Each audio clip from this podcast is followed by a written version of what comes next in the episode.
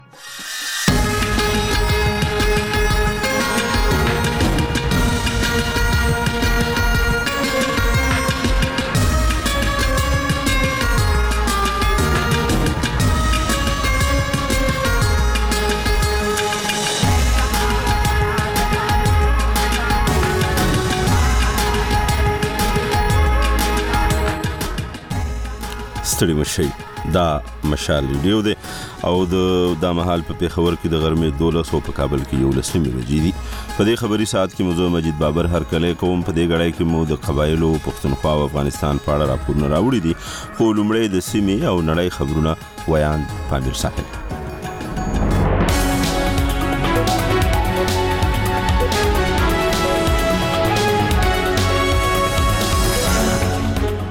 د پنجاب او سند اسمبلی غړي نن د دواړو صوبو اعلی وزیران منتخبوي د پاکستان په زیاتره برخو او د افغانستان په یوشتو ولایتونو کې د پولیو ضد کمپاین پیل شوې ده او لسمشر ولودیمیر زيلنسکي ویلي دي چې د روسیې د دوه کلن يرغل پر مهال په جګړه کې یو ډیر زره اوکرایني سرتیري وژل شوې دي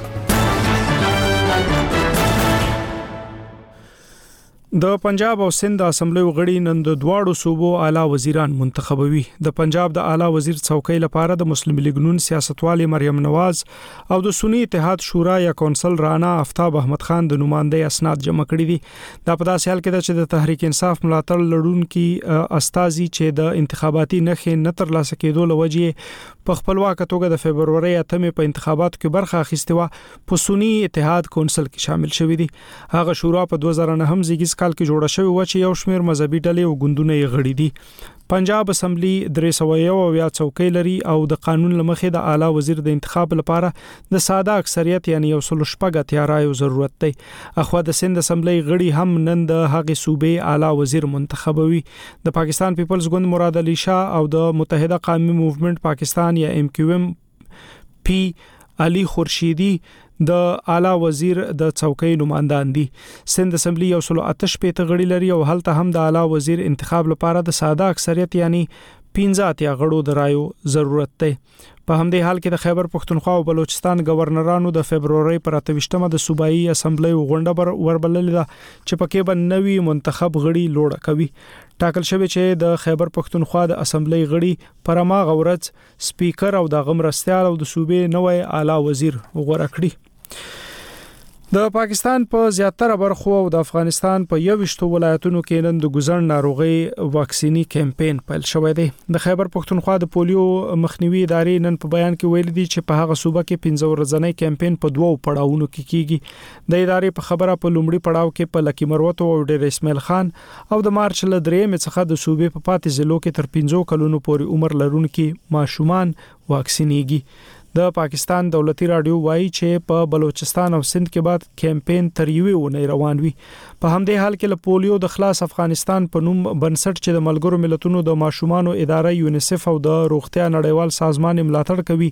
ویلي دي چې په کمپاین کې په کابل، کندوز، تخار، بغلان، نورستان، کونړ، لغمان، پروان، کاپیسا، ننګرهار، پکتیا، پکتیکا،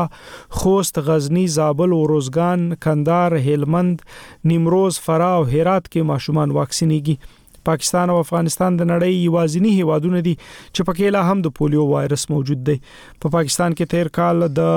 ګوزڼ شپږ پیښې ثبت شوې چې ورڅخه څلور ماشومان د خیبر پښتونخوا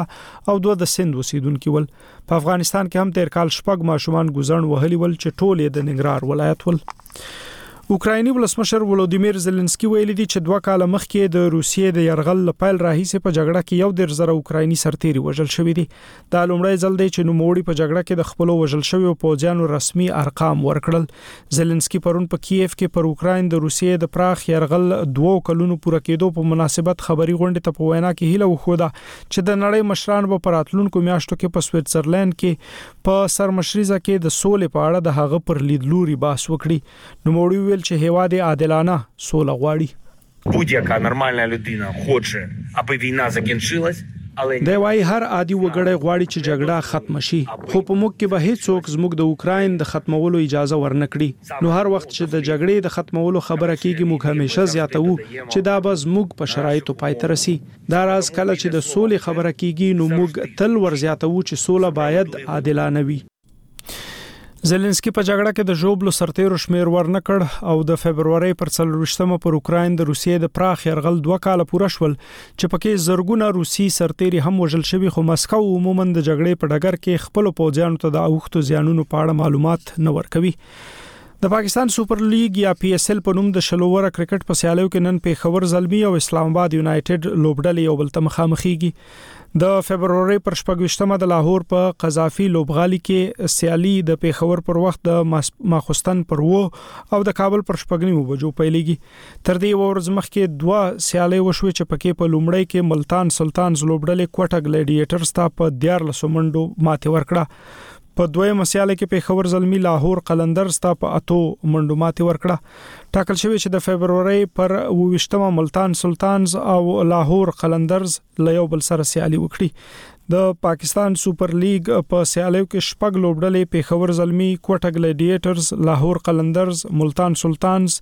اسلام اباد یونایټډ او کراچۍ کینګز برخه اخلي او پایلوبه به یې د مارچ پر اتلسمه کیږي د خبرونو پای اوریدونکو تاسو مشال ریډیو ته غوږی خبرونه ته زمونږ همکار پامیر ساحل وړاندې کول ک تر پای را سره مل پاتې شوي په دې خبرونه کې به ځنې دا مهم مطالب هم وری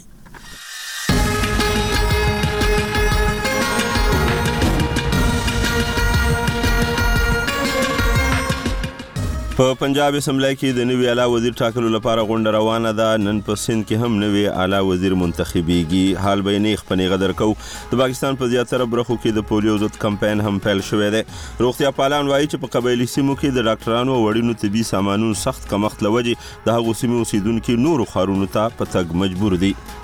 تاسو کو وګورئ د مرز ایریا چې څومره هم دي د میجارټي اف پیشنټ چې کوم دي هغه په دې هسپتالونو کې دوی پراته دي د خیبر پښتونخوا اوسیدونکو وایي چې روانه میاشت د ګیس بلونه دومره زیات راغلي دي چې نه نه شي ادا کولای مونږ پسې براتو 500 600 700 روپے ورته دا د کور بل لاسو څخه چې زموږ خرچه نشته د بسې چوله ده دا ځل هغه چولې پسې چې کوم دی 5700 روپے بل لاغلی دی د آسټریا پولیس وایي چې یو افغان وګړی د فروری په درویشتمه د دریو چینایي ښځو د وژنې اعتراف کړی دی Polizisten konnten in dem Rotlichtlokal Stand der Ermittlungen durch das Landeskriminalamt. په خبرونه کې د افغانستان په اړه د ملګرو ملتونو د امنیت شورا غونډې په ګډون نور مطالب هم لرو له مشال ریډیو سره اوسئ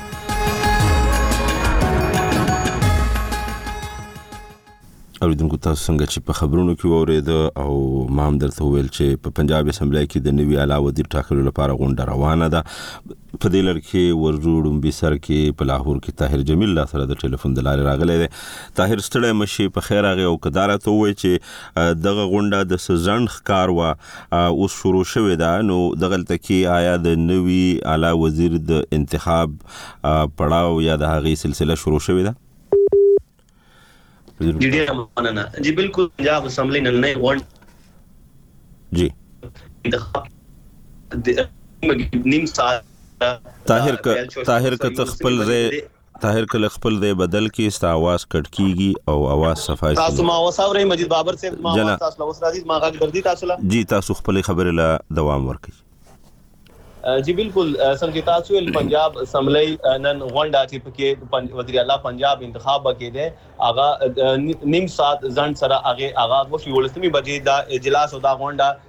شروع شوله او خو دې کې د پاک سني اتحاد کونسل کم غړي دي کم هغه اراکین او ممبرز دي هغه د دې اجلاس بایکاټ وک او واک اوټ یو دا وخت سني اتحاد کونسل چې کوم منتخب اراکین دي کوم ایم پی ایز دي هغه د وخت اسمبلی ایوان نه بار وتلی دي احتجاجن او وجه دا ده چې کوم چې سني اتحاد کونسل د وزیر اعلی د لپاره کوم امیدوارو رانا افتاب احمد خان هغه سپیکر پنجاب اسمبلۍ نه دا غوښتنه کوله چې ماله د ګراړ ماله د خبرې کولو موقع راکړه خو هغه له سپیکر موقع ورنه کړله او ویل یې دا چې دا آئین ماله د دې خبرې اجازت نه راکوي چې د وزیراعلی انتخاب نه مخکې چې ایوان کې دننه یو هم کوم رکن دی هغه تقریر وکړي خو چې تقریر اجازت ملاو نه شو نو هغې نه پس د سني اتحاد کونسل د وزیراعلی امیدوار رانا افتاب احمد خان او د سره د خپل نورو ملګرو ایوان نه بار وتلی دی په ایوان کې بل ناری بازی وکړه یو بل پر ضد ناری واله او طاهر څنګه ایوان نه ووتل طاهر آیا دا معلومه شوې ده چې دا د دوی علامتي بایکاټ دی ځکه چې رانه افتاب خپل په دې کې د اعلی وزیر د پاره کاندید دی نو کدا مکمل د دوی بایکاټي د ټوله ورځې نو بیا به دوی د رانه افتاب په حق کې رائے خو نشي اچولای جی بالکل همدا سه دا اوس خو بل حال د دې بایکاټ روان دی لا په پتن لګی دا علامتي دا یا نه ځکه چې زه کم سات زه تاسو سره دا خبرې کوم نو اوس صورتحال دا دی چې دوی اسمبلی نه بار وتلی دي خو دا اوس په لږ سات کې به دا خبره معلومه شي کلیر بشي دا چې دا بایکاټ ټول ورځې دی ټول اجلاس دی یا علامتی دی لږ ساعت پس به دا دننه راشی او صرف رایشماری کی به حصه برخه نه الی نو ددی به اوس پته ولګی خو فل حال دوی رایشماری کی برخه اخیستلو نه انکار کړی او وجه یې دا بیانوی چی موږ ته دی د تقریر اجازت راکی. ښه طاهر که دا راته ووایی چی ایا ددی لپاره د سکیجول یا د مهالویش اعلان شوی دی چی نوی منتخب سپیکر ملک احمد خان به دا د اعلی وزیر لپاره د رایو اچولو وخت کله شروع کوی؟ دي دي رائے شماري او رائے اچولو وخت هغه اعلان کړو د اسمبلی غونډه چې څنګه شروع شو له 11 بجې نو ټولو کې مخکې نوي سپیکر دا اعلان وکړ چې بس رائے به شروع او د نون لګړي او کم چې اتحادي جماعتونه دي هغه او سنی اتحاد کونسل کسان د خپل رائے شماري ورکی خو دا غنه بس د بایکاټ عمل روان شو خو د سره سره تاسو زدام وایم چې نن د د دې سکیډول او د دې شیډول اعلان هم شوی دی چې وزیر اعلی چې کوم منتخب شو چې ډیر امکان ظاهر د مریم نواز دی هغه بنن دونیمي بجې په لاهور په گورنر هاوس کې به خپل سوګند پورته کوي گورنر پنجاب به هغه نه سوګند لي دونیمي بجې نن په لاهور کې صحیح ډیر ډیر مننه طاهر جمیل یو وړې د مینه پس راځو مشال رادیو پر وی پاڼي او اپ هم اوریدلای شئ د لټون په ځای کې ام ای اس ایچ ای ای ایل آر ای ډی آی او ولیکئ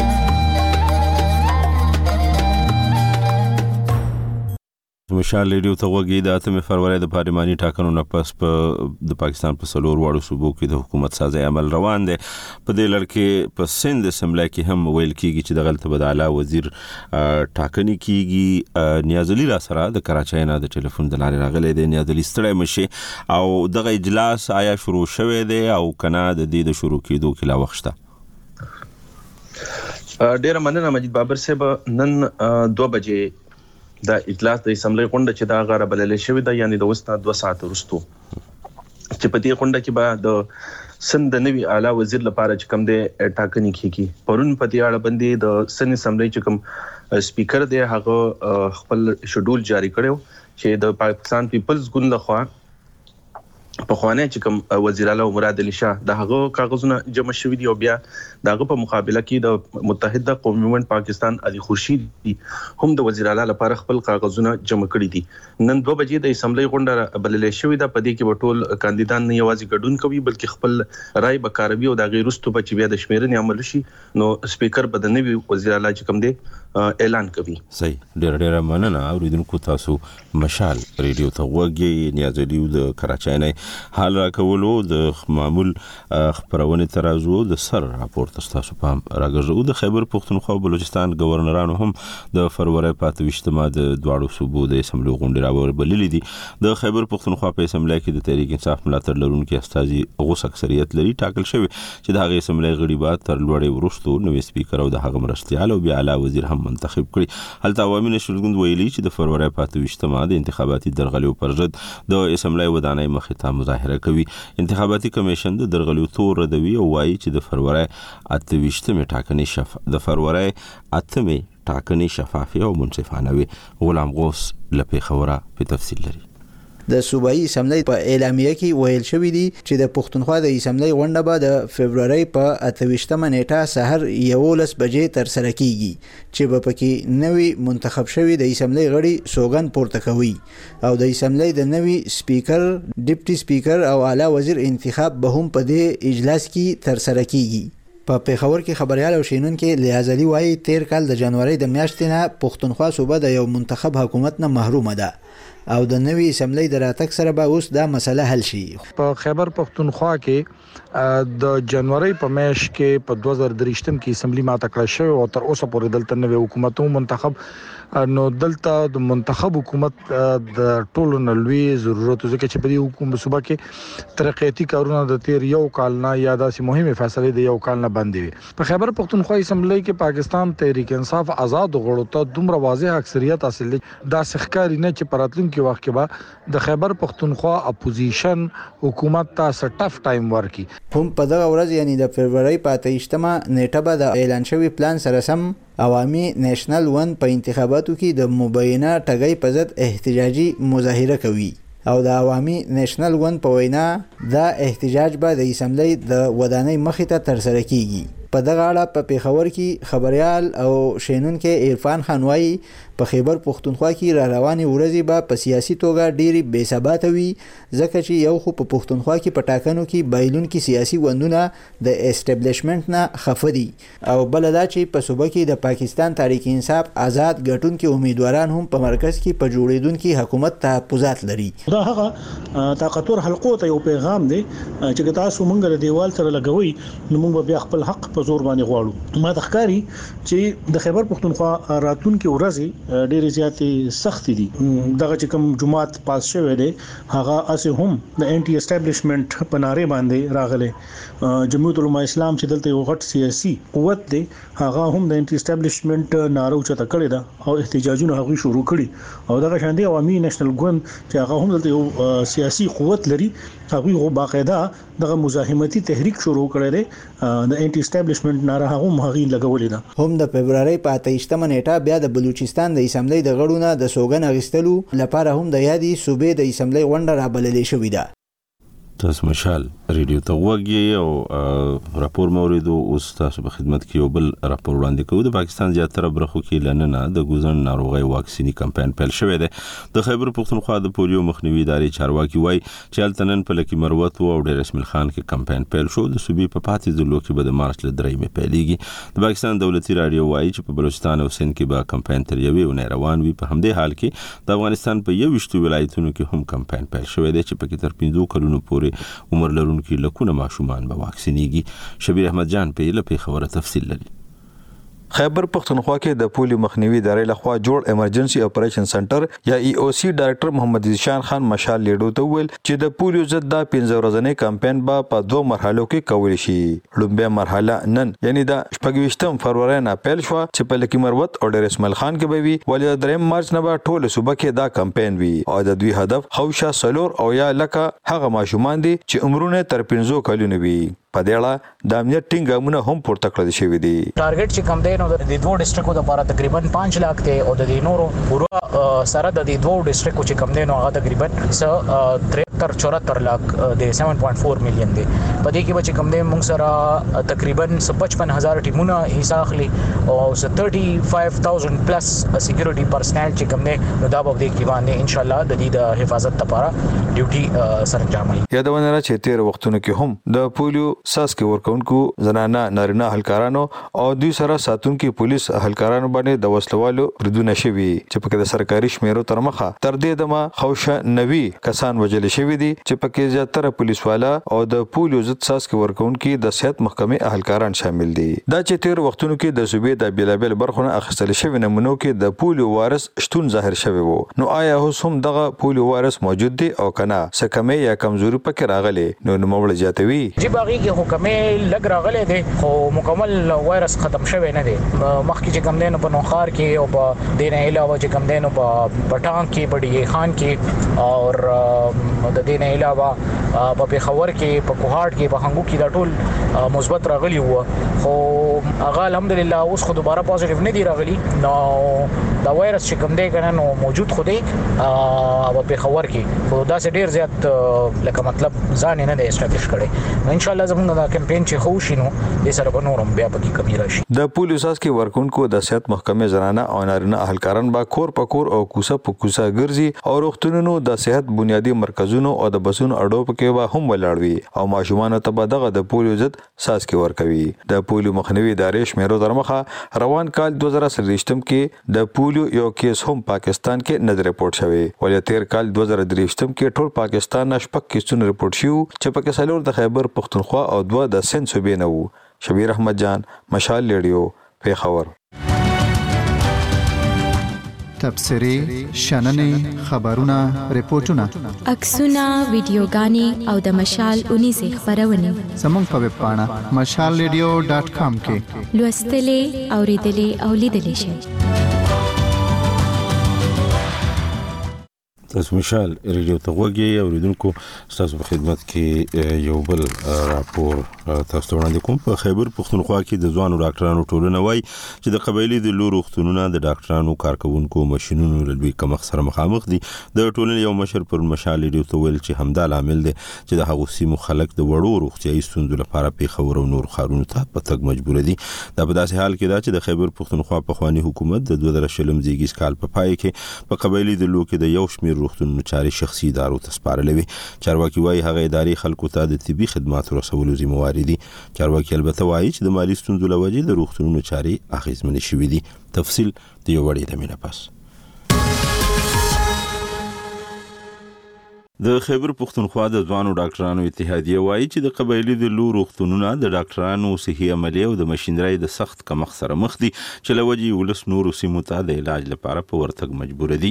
د فرورۍ په پنځه ویشت مه مشال ریډیو سره په خبرو کې د خیبر پښتونخوا د ځوانو ډاکټرانو د اتحادیې مشر ډاکټر مجاهد خان وویل د خراب امنیت له وجې هم ډاکټران او صحي عمله زم شو ضلعو کې دندو ته زړه نه ښه کوي. کوټه دلته کې که زه په کې ټي اېچ کې یم بل دا په اېچ اېم سي کې بل په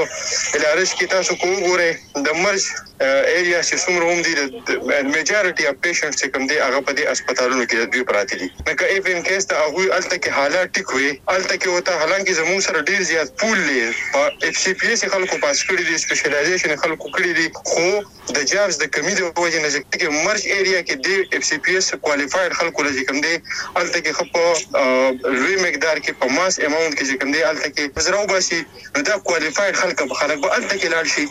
ته چه د هغه ایریا چه کوم دی اټریکټیو کی نو دوه خبری دی یو خو دا چه ته به خپل هغوی له سیکیوریټی چه کوم دی کنه ورکی دویمه دا خبره چیر الته کې چونکی د هارد ایریا چې کوم الاونسز دي کنه نو دغه الاونسز او د نورو په نسبت لکه په سنټر کې دي دا پیری پریوم دا په پیری پیری کې دا سي ایریا دا چې مطلب دا لري چې سړی پاغه سب کانشیس کې چې کوم دي دا خبره پرته دا په داسې حال کې ده چې د 2020 میلادي کال د دسمبر په میاشت کې په خیبر پښتونخوا کې د تحریک انصاف پخوانی حکومت د عزم شو ضلع روغتونونه غیر حکومتي ادارو ته سپارلي ول او دغه پروژو ته د پبلک پرایویټ پارټنرشپ نامه ورکړې و چې له مخه به د روغتونونو ټولې چارې شخصي کمپنۍ سمبالوي، خو د ضم شوو ضلعو لپاره د صحت په صوبايي محکمه کې کوارډینیټر ډاکټر امتیاز شاه د فرورۍ په پنځه ویشت مه مشال رېډیو ته وویل چې په صوبه کې د مالي مشکلاتو له امله دا مهال د قبایلي ضلعو ټول روغتونونه د درملو، عملې او بنیادي شیانو نه محروم دي. لېبارټرۍ کې هم بلا شیزونه دي، لکه یو یو لېبارټرۍ کې یو یو ټېسټ کې مشینونه چې کوم لګي هغې کې بیا هغې کې چې کوم ټولز لګي هغه د لپاره چې کوم میټیریل لګي صحیح شو بیا چې کوم پر ریهابلیټیشن کې کوم څه جوړ دي آی کې ډیر میټیریل او ماشينري دي چې هغه کمه ده کنه نن سبا وګوره د سرنج او د کینولي او د پټه پورې منګه محتاج یو قسم لکه نه ټول پاکستان کې نن سبا د ایکس رې وګوره ایکس رې فلم د سره نشته لکه بیسیک شیزونه چې کوم دی هغه بل چې دی نو د ميډيسن خو بيخي زيرو دي د دې نه علاوه چې تاسو وګورئ په مارکيټ کې چې کوم شي ګناله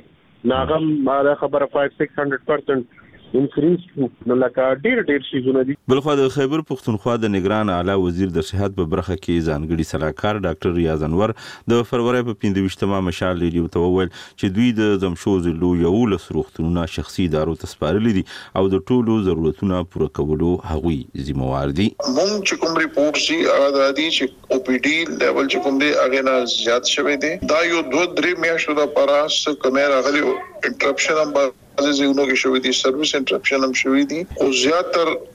هسپتالونه یا د آر ای سي هاسپټلز چې کوم دي دا چلیدلي دي، نو دې کې دا و چې هغه کسان چې کوم دي هغوی ډاکټران خپله هایر کړي دي، اکویپمنټ هم ایښی دی، سرجریز هم پکې شوي دي، د ګایني والا پروسیجرز هم پکې شوي دي، لیبر د ډیلیوریز هم پکې شوي دي. د ډاکټر رياض انور په خبره حکومت که څه هم په قبايلي ضلعو کې د صحي عملې او ماهر ډاکټرانو لپاره د زياتو تنخواګانو پروژې هم پيل کړې دي خو پېښوره صحي عمله او ماهر ډاکټران ضم شوي ضلعو کې دندو کولو ته زړه نه ښه کوي چې له وجې د هغو ضلعو روغتونونو کې د ماهر ډاکټرانو او صحي عملې کمی دی.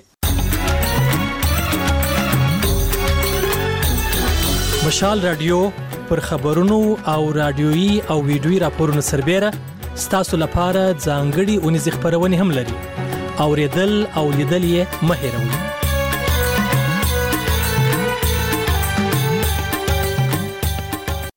دسمشال ریډیو ته غوږ یئ د باجوړ مدني او سیاسي فعالانو او اوسیدونکو د هغې ضلعې په ګډون د پاکستان په مختلفو ښارونو کې د قامي او صوبایي اسمبلیو د پخواني خپلواک نوماند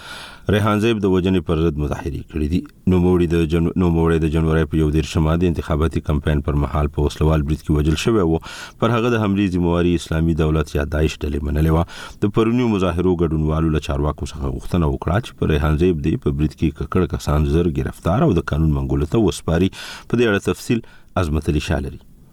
د فرورۍ په پنځویشتمه د باجوړ اوسېدونکو او مدني فعالانو د ملک په بېلابېلو ښارونو کې د ریحان زیب د وژونکو د نه نیولو پر ضد احتجاجي مظاهرې وکړې. دا د پېښور پریس کلب مخې ته د باجوړ اوسېدونکي دي چې د باجوړ د صوبايي او قامي اسمبلۍ د ازاد امیدوار ریحان زیب د قاتلانو د نه نیولو پر ضد احتجاجي مظاهره کوي. ریحان زیب د پاکستان تحریک انصاف پخوانی ضلعي مشر و او د فرورۍ د اتمې د انتخاباتو لپاره د قامي اسمبلۍ د اتمې او د صوبايي اسمبلۍ د دوه ویشت مې څوکو نه ازاد امیدوار وو چې د جنورۍ په یو دېرش مه د نامعلومه وسله والو په ډزو وژل شوی و. د پېښور مظاهره کې شریک د ریحان زیب ملګري نور اسلام مشال رېډیو ته وویل، که د ریحان زیب وژونکي په دوه روځه کې ګرفتار نه شو نو باجوړ کې به پرلت پیلوي. خو ایا دا چرته په دې ورځ دوو کې ګرفتار شو نو بس موږ ته به وخی او موږ ته به زړه ته تسلي ملاوشي کونه چرته ګرفتار نه شي نو بیا به موږ راتلونکی لایمل برابروو کو هغه په باجوړ کې ان شاء الله درنه په شکل سبا کینو په پیښور کې وای په اسلام آباد کې وای او په کراچۍ کې وای دا په اسلام آباد کې د ریحان صاحب د قاتلانو د نن نیولو پر ضد احتجاجي مظاهره ده مظاهره کې شریک د باجوړ اوسیدونکو عطا الرحمن مشال ریډیو ته ویل چې د نوموړي د مرګ وروسته احتجاج کول نو د باجوړ انتظامی ترې د قاتلانو د گرفتاری لپاره لس روځی او بیا یو اونۍ وخت واغستو خو د پنځه یشت روځو تیریدو وروستو په احتجاج مجبور شوی دی. دا تقریبا پچیس چبیس ورځی وشوی د ریحان زیب چی کوم دی د هغه یو بهمنه طریقی سره د هغه قتل شوی او نه د شپی شوی او نه په پټه شوی بلکی په یو بازار کی ښه په ښکاره باندی شوی او د هغه سی سی ټی وی فوټیج موجود دی د هغه چی کوم دی باقاعده ثبوتونه موجود دی خو د هغه باوجود هم چی دی تر اوسه پوری د انصاف د ملاویدو څه چی امکان نشته دی بلکی څه امید نشته دی. او چې کوم د هغې دپاره کوم تاریخ په تاریخ ورکړی کېږي نو د هغې په حواله سره نن چې دی د باجوړ خلک چې دلته احتجاج کوي د شهید ریحان زیب دپاره او دا د هغې د فیملي خلک نه دي نه د هغې رشته دار دي بلکې دا د باجوړ هغه خلک دی د چا چې د ریحان زیب نه امیدونه د باجوړ د پولیسو ویاند محمد اسرار د جنورۍ په یو دېرشمه مشال ریډیو ته ویلي ریحان زیب په همدغه ورځ د خپلو دریو نورو ملګرو سره یو ځای په باجوړ کې په ګاډي کې روان و چې نامعلومه کسانو یې پر ګاډي ډزې وکړې چې په نتیجه کې څلور واړه ژوبل شول، خو ریحان زیب وروسته په روغتون کې ساه ورکړه. د پېښور احتجاج کې شریک یو بل تن زیرولي مشال ریډیو ته وویل چې د راتلونکي حکومت یې یوه غوښتنه ده چې په قبایلي سیمو کې دې امن راولي. دا څنګه چل دی، زموږ ته امن نشته، زموږ سیکورټي ادارې ولې دومره کمزورې دي چې د په ډک بازار کې د تاڼې مخې ته، زمونږ قتل کیږي او مونږ شهیدان کیږو د نامعلومو وسله والو د او مونږ ادارو ته پته نه لګي مونږ لري تحفظ راکړل شي مونږ ته هیڅ نه دی پکار مونږ ته صرف او صرف قبایلو ته مونږ ته امن پکار دی چې په دې وطن کې مونږ لږ په سکون باندې ژوند تیر کړو ریحان زیب د پاکستان تحریک انصاف غړی و خو ګوند ورته ټیکټ نه و ورکړی نو ځکه یې د ازاد امیدوار په حیث په انتخاباتو کې برخه اخسته. د پاکستان انتخاباتي کمېشن د ریحان زیب تر وژنې وروسته په باجوړ کې د صوبايي اسمبلۍ په حلقه د انتخاباتو ځنډولو اعلان کړی دی. داعش ډلې په ریحان زیب د برید ذمه واري منلې ده. عظمت علي شاه، مشال ریډیو، پېښور.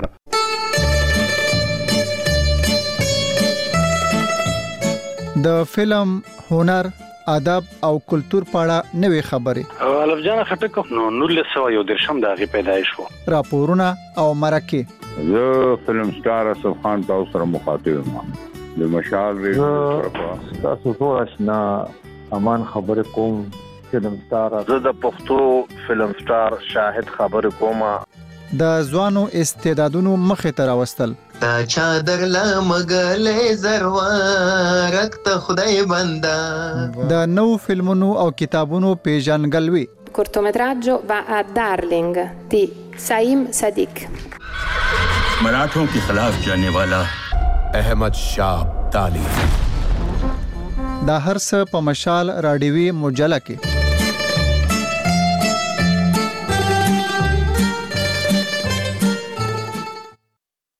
تاسو مشال ریډیو ته غوږ یې درنګ سات کې پښتونخوا کې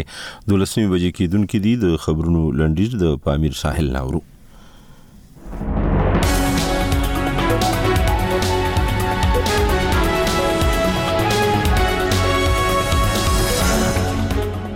ټاکل شوې چې د پنجاب او سند د اسمبلی غړي نن د دواړو صوبو اعلی وزیران منتخب کړي د پنجاب د اعلی وزیر څوکۍ لپاره د مسلم لیګ نون سیاستوالې مریم نواز او د سنی اتحاد شورا یا کونسل رانا افتاب احمد خان د نوماندۍ اسناد جمع کړي دي د پاکستان پیپلز ګوند مراد علي شاه او د متحده قومي موومېنټ یا ایم کیو ایم پی علي خورشیدي د سند د اعلی وزارت د څوکۍ نوماندان دي اخوا د خیبر پښتونخوا او بلوچستان ګورنرانو د فبرورۍ پر اته ویشتمه د هغو اسمبلۍ غونډه وربللې ده چې پکې به نوي منتخب غړي لوړه کوي د پاکستان په زیاتره برخو او د افغانستان په یوشتو ولایتونو کې نن د ګوزن ناروغي واکسینی کمپاین پیل شوې دی د خیبر پښتونخوا د پولیو مخنیوي ادارې نن په بیان کې ویلي چې په هغه صوبه کې 15 ورځنی کمپاین په دوو پړاوونو کې کیږي د پاکستان دولتي رادیو وایي چې په بلوچستان او سند کې به کمپاین تر یوې ونې روان وي پاکستان او افغانستان د نړۍ یوازینی هیوادونه دي چې پکې لا هم د پولیو وایرس موجود دی اوکرایني ولسمشر ولودیمیر زيلنسکي ویلي دي چې دوه کاله مخکې د روسیې د يرغل لپیل راهیسې په جګړه کې یو ډیر زره اوکرایني سرتیري وژل شوې دي دا لومړی ځل دی چې نوموړي په جګړه کې د خپل وژل شویو سرتیرو رسمي ارقام ورکړل زلنسکی پرون په کیف کې پر اوکراین د روسیې د پراخ يرغل دوو کلونو پوره کېدو په مناسبت خبري غونډه ته په وینا کې هیله وکړه چې د نړۍ مشران به پر راتلونکو میاشتو کې په سویټزرلند کې په سرمشریزه کې د سولې په اړه د هغه پر لیدلوري باس وکړي د پاکستان سپر لیګ یا پی ایس ال په نوم د شلوور کرکټ په سیالیو کې نن پیښور زلمی او اسلام آباد یونایټډ لوبډلې یو بل ته مخامخ کیږي د فبرورۍ پر شپږشتمه د لاهور په قذافي لوبغالي کې سیالي د پیښور پر وخت د ماخستن پر وو او د کابل پر شپږنیمو بجو پیلېږي تر دې یو ورځ مخکې دوه سیالۍ وشوې چې پکې په لومړۍ کې ملتان سلطانز لوبډلې کوټې ګلیډیټرز ته او په دویمه کې پیښور زلمی لاهور قلندرز ته ماته ورکړه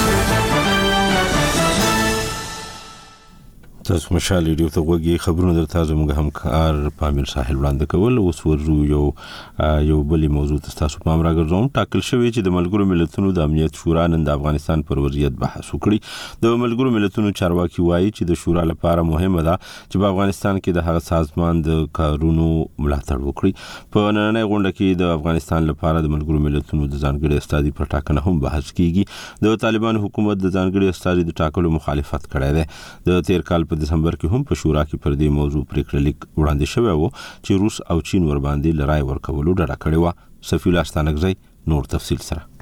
د ملګرو ملتونو امنیت شورا نن د تړلو دروازو تر شا د افغانستان په اړه یو ځانګړې غونډه دایروي د ملګرو ملتونو د سرمنشي مرستيال ویاند فرحان حق تیر ماښام ازادي رادیو ته په یو استولي پیغام کې د نن ورځې غونډه مهمه وبلله with the United Nations. د امنیت شورا لپاره د ځانګړي استازي د ټاکلو په ګډون په افغانستان کې د ملګرو ملتونو د کار ملاتړ خورا مهم دی.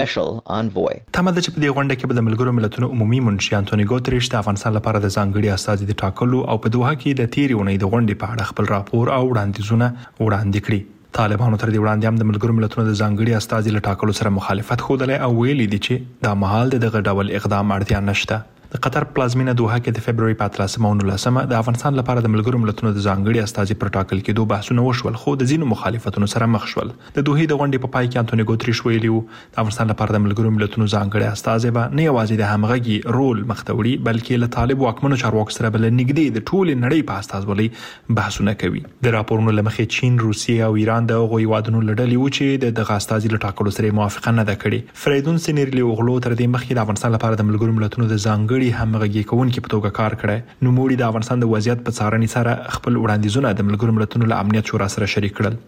له څه باندې دوه نیمو کلو وروسته هیڅ هیواد د طالبانو سرپرست حکومت په رسمیت نه دی پیژندلی خو ځینې هیوادونه د افغانستان له اوسنیو واکمنانو سره اړیکې لري په دې کچه چې دوی خپل ډیپلوماتان کابل ته ولیږل او د طالبانو استازي هم ومنل امریکا بریتانیا اروپایي ټولنې او یو شمیر نورو هیوادونو په ګډون لویدیځ هیوادونه له طالبانو څخه ځانګړې غوښتنې لري چې ښځو او نجونو ته د کار، زده کړې او ټولنیزو فعالیتونو د حق په ګډون بشري حقونه ورکړي، له ترهګرۍ سره مبارزه او د ټولشموله حکومت شرایط ومني. طالبان وایي ښځو او نجونو ته یې د شریعت په اساس حق ورکړی، له ترهګرۍ سره مبارزه کوي او حکومت یې ټولشموله دی، خو د ملګرو ملتونو د ځانګړي استازي د ټاکلو په اړه کارپوهان په دې باور دي چې دا استازی به د طالبانو د سرغړونو په اړه راپورونه جوړوي، نو ځکه طالبان د نوموړي له ټاکل کېدو سره موافق نه دي. تاسو مشال ریډیو ته وګورئ اوریدونکو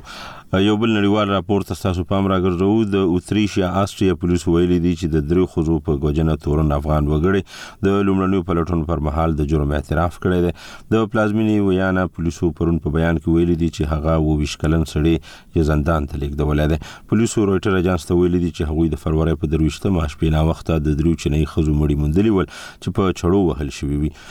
راپورونه وایي چې هغه ښځې د تن پلورنې په یو کلب کې وي نور د صفی الله ستانکزي په راپور کې د ویانا د پولیسو په یو اعلامیه کې یک شنبه راغلی چې نیول شوی کس 28 کلن افغان پناه غوښتونکی دی او د پولیسو له توقیفه یو زندان ته وړل شوی له هغه نه لومړنۍ پوښتنې د یو ژباړن کې په حضور کې شوي په کومو کې چې د پولیسو د بیان له مخې هغه په خپل جرم اعتراف کړی. په عین وخت کې د دریو وژل شوو ښځو د جسدونو اتوپسي یا د عدلي طب څېړنې هم یکشنبه پلان شوې وې. د ویانا د پولیسو ویاند فیلیپ هاسلینګر رویټرز اژانس ته په دې اړه وویل. Polizisten konnten in dem Rotlichtlokal. پولیسو د دریو ښځو مړي کشف کړل چې د چړو سخت ګوزارونه پرې شوي وو. وروسته یې د عامل د نیولو لپاره هڅې پیل کړې چې په نتیجه کې یې یو مشکوک کس همدې سیمې ته نږدې ونیول شو. تورن کس یو وویست کلن افغان تبعه دی،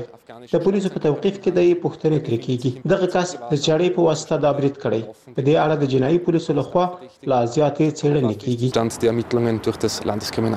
د ویانا په شلمې ناحیه کې چې د ښار نسبتاً بې وزلي خلک پکې مېشت دي، وژل شوې درې ښځې چینایۍ بلل شوې چې د رابورونو له مخې د تن پلورنې په یو کلب کې وې. دا ښځې د جمعې شپې، فبروري درویشت مې، ناوخته د یو بریدګر له خوا د چړو په ګوزارونو وژل شوي. د اتریش د ښځو چارو وزیرې سوزن راب ویلي، دې برید سخت ټکان ورکړی. د آغلې راب په حواله اتریشي رسنیو راپور ورکړی چې د وحشت دغه اندازه د تصور وړ نه ده. هغې زیاته کړې، سره له دې چې اتریش د داسې تاوتریخجنو پېښو د مخنیوي سیستم لري، مګر د دې پېښې مخه په دې نه وه نیول شوې چې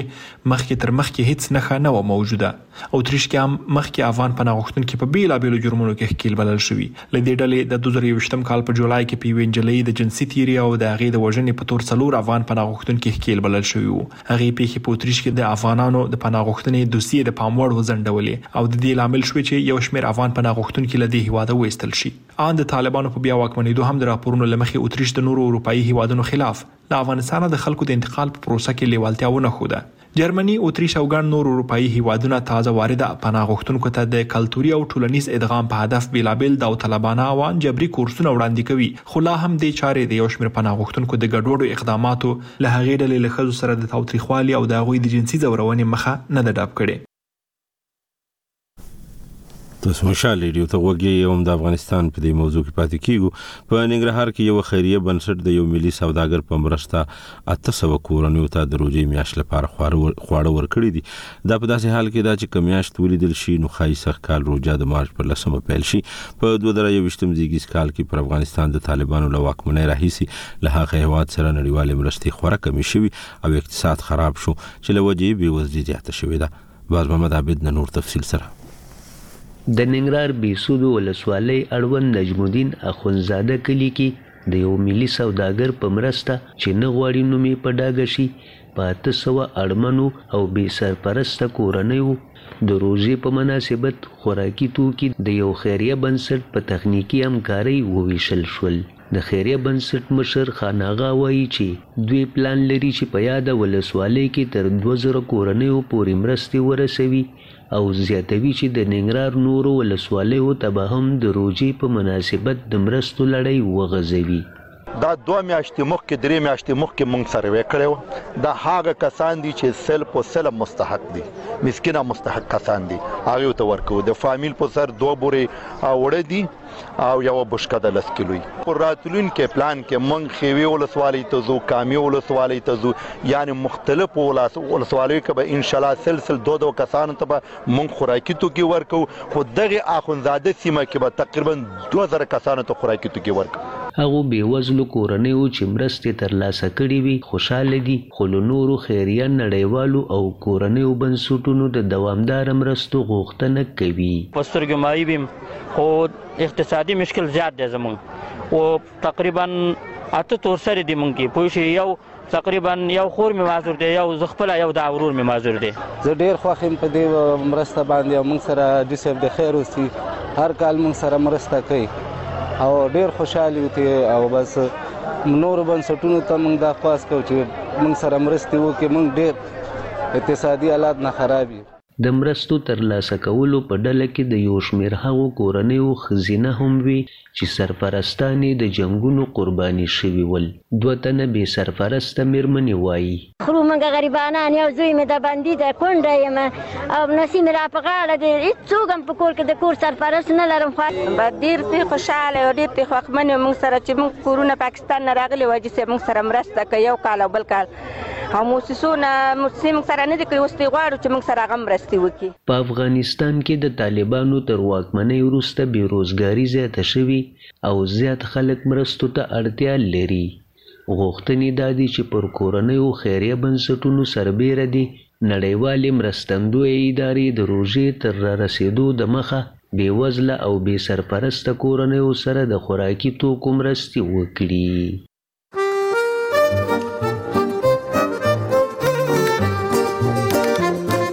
د مشال راډیو یوټیوب چینل دوه لکه نه زیات سبسکرایبرز لري.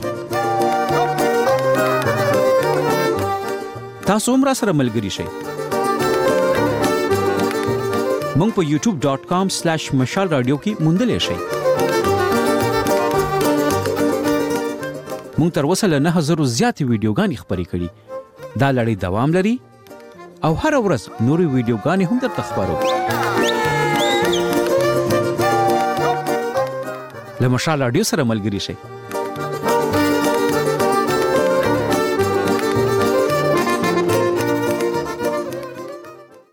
تاسو مشال ریډیو د وګي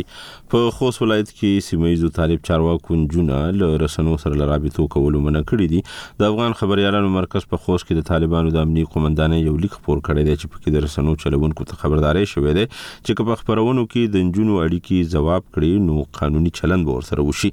د ولایت د دوه رسنو چارواکو پرون دا موضوع مشال ریډیو ته تایید کړه او دا د خنې وړي وبلله خو د طالبانو د حکومت چارواکو لا په دې اړه سن دی ویلي د سنا کاکړي راپور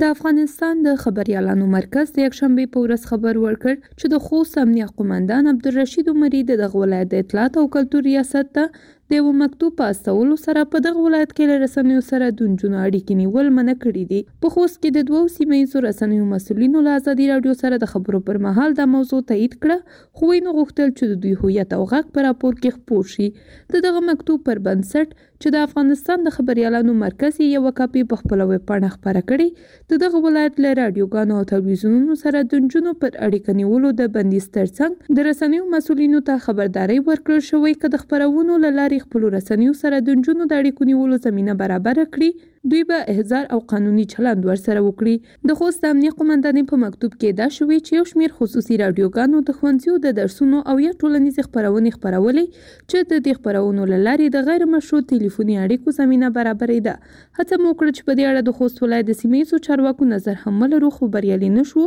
او د طالبانو حکومت د کورنیو چارو وزارت مرستیال ویاند قاري بسم الله حبیب هم په دې اړه د ازادي راډیو پوښتنې ځواب نه کړې. د افغانستان خبریالانو مرکز په خپله اعلامیه کې ویلي، له شپږم ټولګي څخه پورته د نجونو پر مخ د ښوونځیو د تړل کېدو له امله په دې وروستیو کې په دغه ولایت کې د رسنیو له لارې د ښوونځي د درسونو ښوونیزې خپرونې ډېرې شوې دي. د دغه مرکز د اړیکو کمېټې مشره سمیه ولیزاده ازادي راډیو سره په خبرو کې د دغې پرېکړې د لغوه کېدو غوښتنه کوي. مرکز خبرنګاران افغانستان در این زمینه په دې برخه کې د افغانستان خبریالانو مرکز غوښتنه کوي چې دغه محدودیت دې لرې شي ځکه چې دا له قوانینو څخه سرغړونه ده او په افغانستان کې رامنځته شوي قوانین لکه د عامه رسنیو قانون او اطلاعاتو ته د لاسرسي قانون باید مراعات شي تر څو د بیان ازادي له دغه حالته وژغورل شي څو رسنۍ وکولای شي د ډیموکراسۍ له سقوط وړاندې خپلو فعالیتونو ته دوام ورکړي. د افغانستان خبریالانو مرکز د شمېرو له مخې په خوست ولایت کې د طالبانو تر واک لاندې د ملي راډیو تلویزیون په ګډون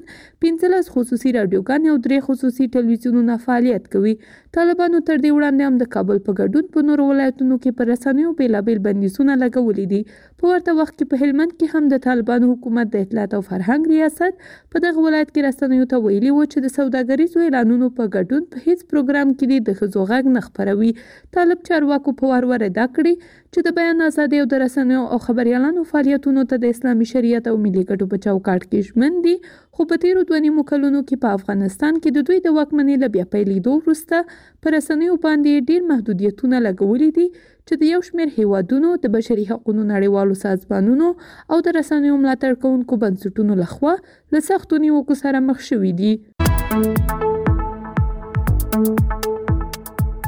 د مشال ریډیو موبایل اپلیکیشن ستاسو په وړاندې دی. که سمارټ فون لرئ ګټه ترې اخیستی شئ.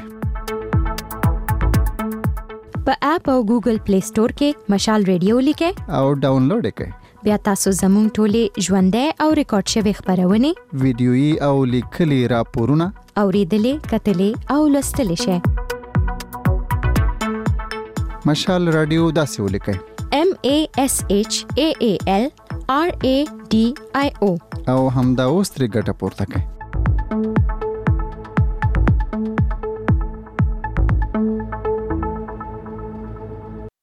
تاسو مشال ریډیو ته وګی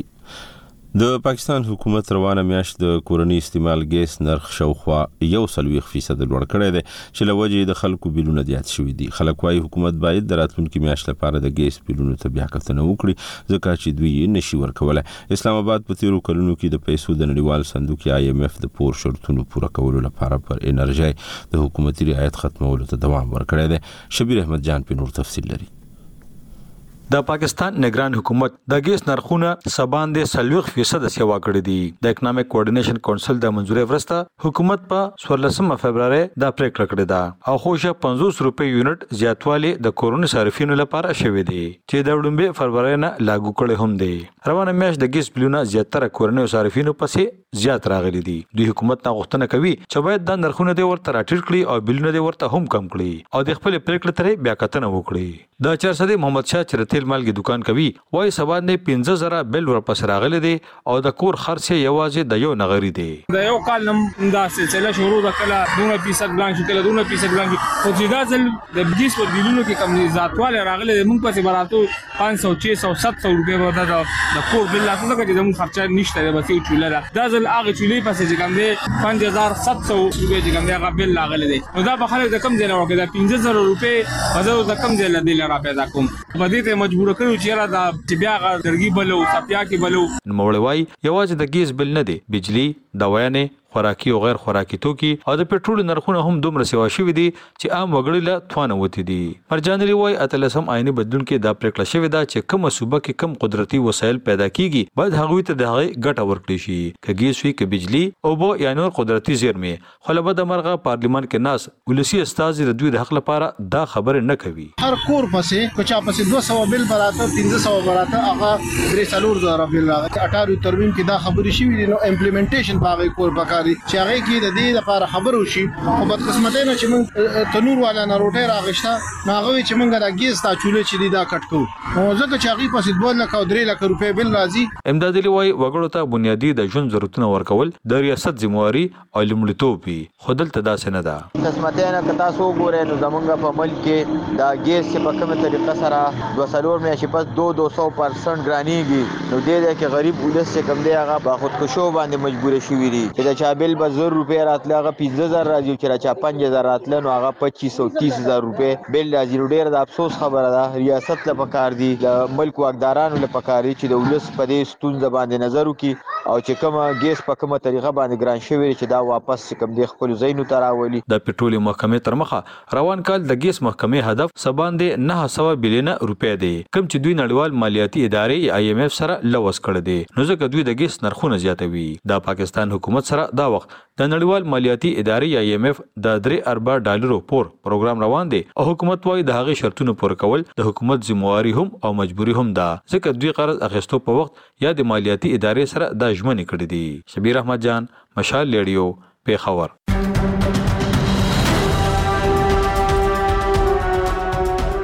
د مشال ریډیو بېلابېلې خپرونې په غږیزه، تصویري، ویډیوي او لیکلې بڼه خپرېږي.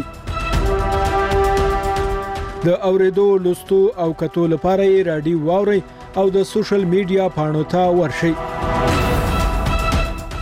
مشال ریډیو پر یوټیوب، انسټاګرام، ټوئیټر او فیسبوک کې د سرچ یا لټون لبرخې موندلی شئ. که ویب سایټ ته تګ غواړئ نو مشال ریډیو ډاټ کام یې پته ده.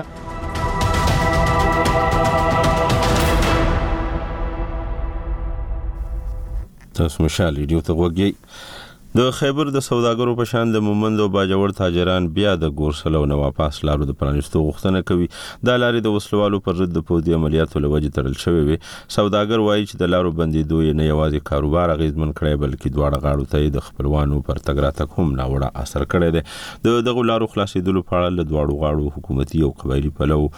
هلې ځلې کړې دي، خو کومه نتیجه یې نه ده ورکړې. تفصیل به د شانواز ترکزي په راپور کې وګورو. د مهمندو ګوسلۍ کنډه او چې ورته ګورسل هم ویلی شي، د دوه زره او لسم راهسې بنده شوې. دغلته عسکري اپرېشن شوی و او د کرښې سره نزدې د خوایزو او د بایزو ډېر خلک، د لارې د بندښت د وجې پېښور او نورو سیمو ته کوز شوي واپس نه دي ورغلي. د خوایزو ملک نیک محمد چې د پخوانۍ امن کمېټۍ مشر هم و، مشال رېډیو ته وویل، دغه سیمه کې د امنیت او د ترقۍ راتلو یو حل دا هم دی چې د ګورسل لار دې د کاروبار لپاره خلاصه شي. په دوه زره اته او نهه کې حالات څومره خراب وو، دا باډر کلا وو، په علاقه کې کډوال هم پځې وو، علاقه مو سره اباده وه اوس هغه دی امن دی باډر بند دی خلک نشته دی په بیازو ایریا کې څوک شته دی تاسو ته به دی وټونو نم پته لګي چې هغه دی د وټ تعداد څومره دی پول کیږي څومره دا ټول خلک د دی باډر د وجینا او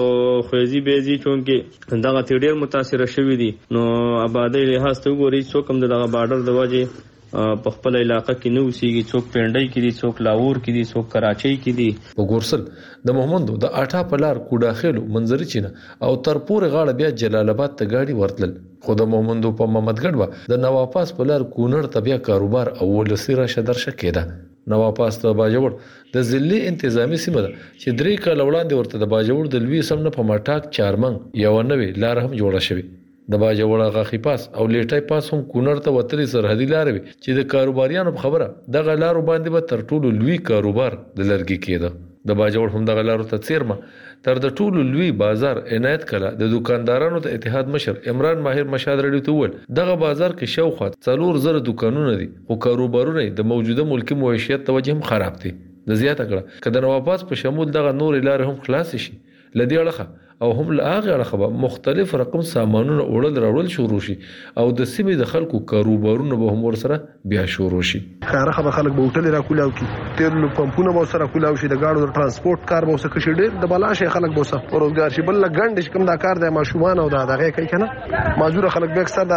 ماقام کې تر 15000 روپۍ کور تر ماشوم راوړي نو په تورخم کې 2 درې زره ماشومان د سریج دغه کار برابر دی هغه کور نه غریب په بلیږي او بل دار چې د مامون قوم اتر تم د سین نه غړي پروت دی تر تم پروت دی د دې خلکو د ځمکې د خلکو دل تزمکې د خپل ولې چې نکال در چې خپلار د چار ترز وی د چا ماما زوی د چا رشتہ خامخه یو علاقه د بارډر په غرونو په دې سيزونو باندې نه بیلي د دغه لارو د خلاصون لپاره تیرو وختونو کې د مومندو او د باجوړه د پارلماني استازو لخوا کوششونه هم شوي وو. د باجوړه او د مومندو نه قومي جرګې هم جوړې شوې وې چې د کونړ او د ننګرهار د مشرانو سره یې لیدلي وو چې ګنې دغه لارې یو وار بیا خلاصې کړي. د مومندو او د باجوړه د سېنېټ د تیرې مودې غړو مشهد راډیو ته وویل، د پاکستان له اړخه د لارو د خلاصون لپاره دوی تیار دي خو د افغانستان له اړخه کوم مثبت ځواب دوی ته نه دی میلاو شوی. کاروباریان بیا هم په تمه دي چې ګنې اوس به د پاکستان نوی حکومت جوړ شي، هغوی به د دغه لارو د خلاصون لپاره کوټلي ګامونه هم پورته کړي. شاهنواز ترکزی، مشال ریډیو، پېښور. مشال راډیو، د جمهوري ارزښتونو پالونکې.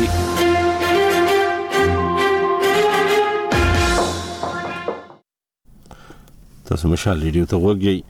څنګه تاسو ته معلومه ده پاکستان افغانستان کې د پولیو پر ضد کمپاین پیل شوې ده په داسې حال کې چې په پاکستان کې د پولیو یا ګوزن ضد کمپاین ته اوس بیا پیل شوې په قبایلی ضلعو ضلعي ورغزو کې یو نه میاشتې ماشوم پولیو وهلی او پر روان 2023م کال کې د په خیبر پښتونخوا کې د پولیو سلورمه پیښه و په مجموعي توګه په هیواد کې د پولیو شپږ پیښې ثبت شوې دي تیر کال 2022 کې د پولیو ضد محکمې چارواکي او پوهان وایي د پولیو ناروغي نه ختمېدو وجوهاتو کې ناسم خوراک د صفای نظام امنیت او انکاري والدین دي د دوی خبره یوازې ساسکو ورکولو سره په دې رنځ قابو موندل ممکن نه دي بلکې دې سره تړلي نور اقدامات کول هم اړین دي تفصیل ګولای هزناور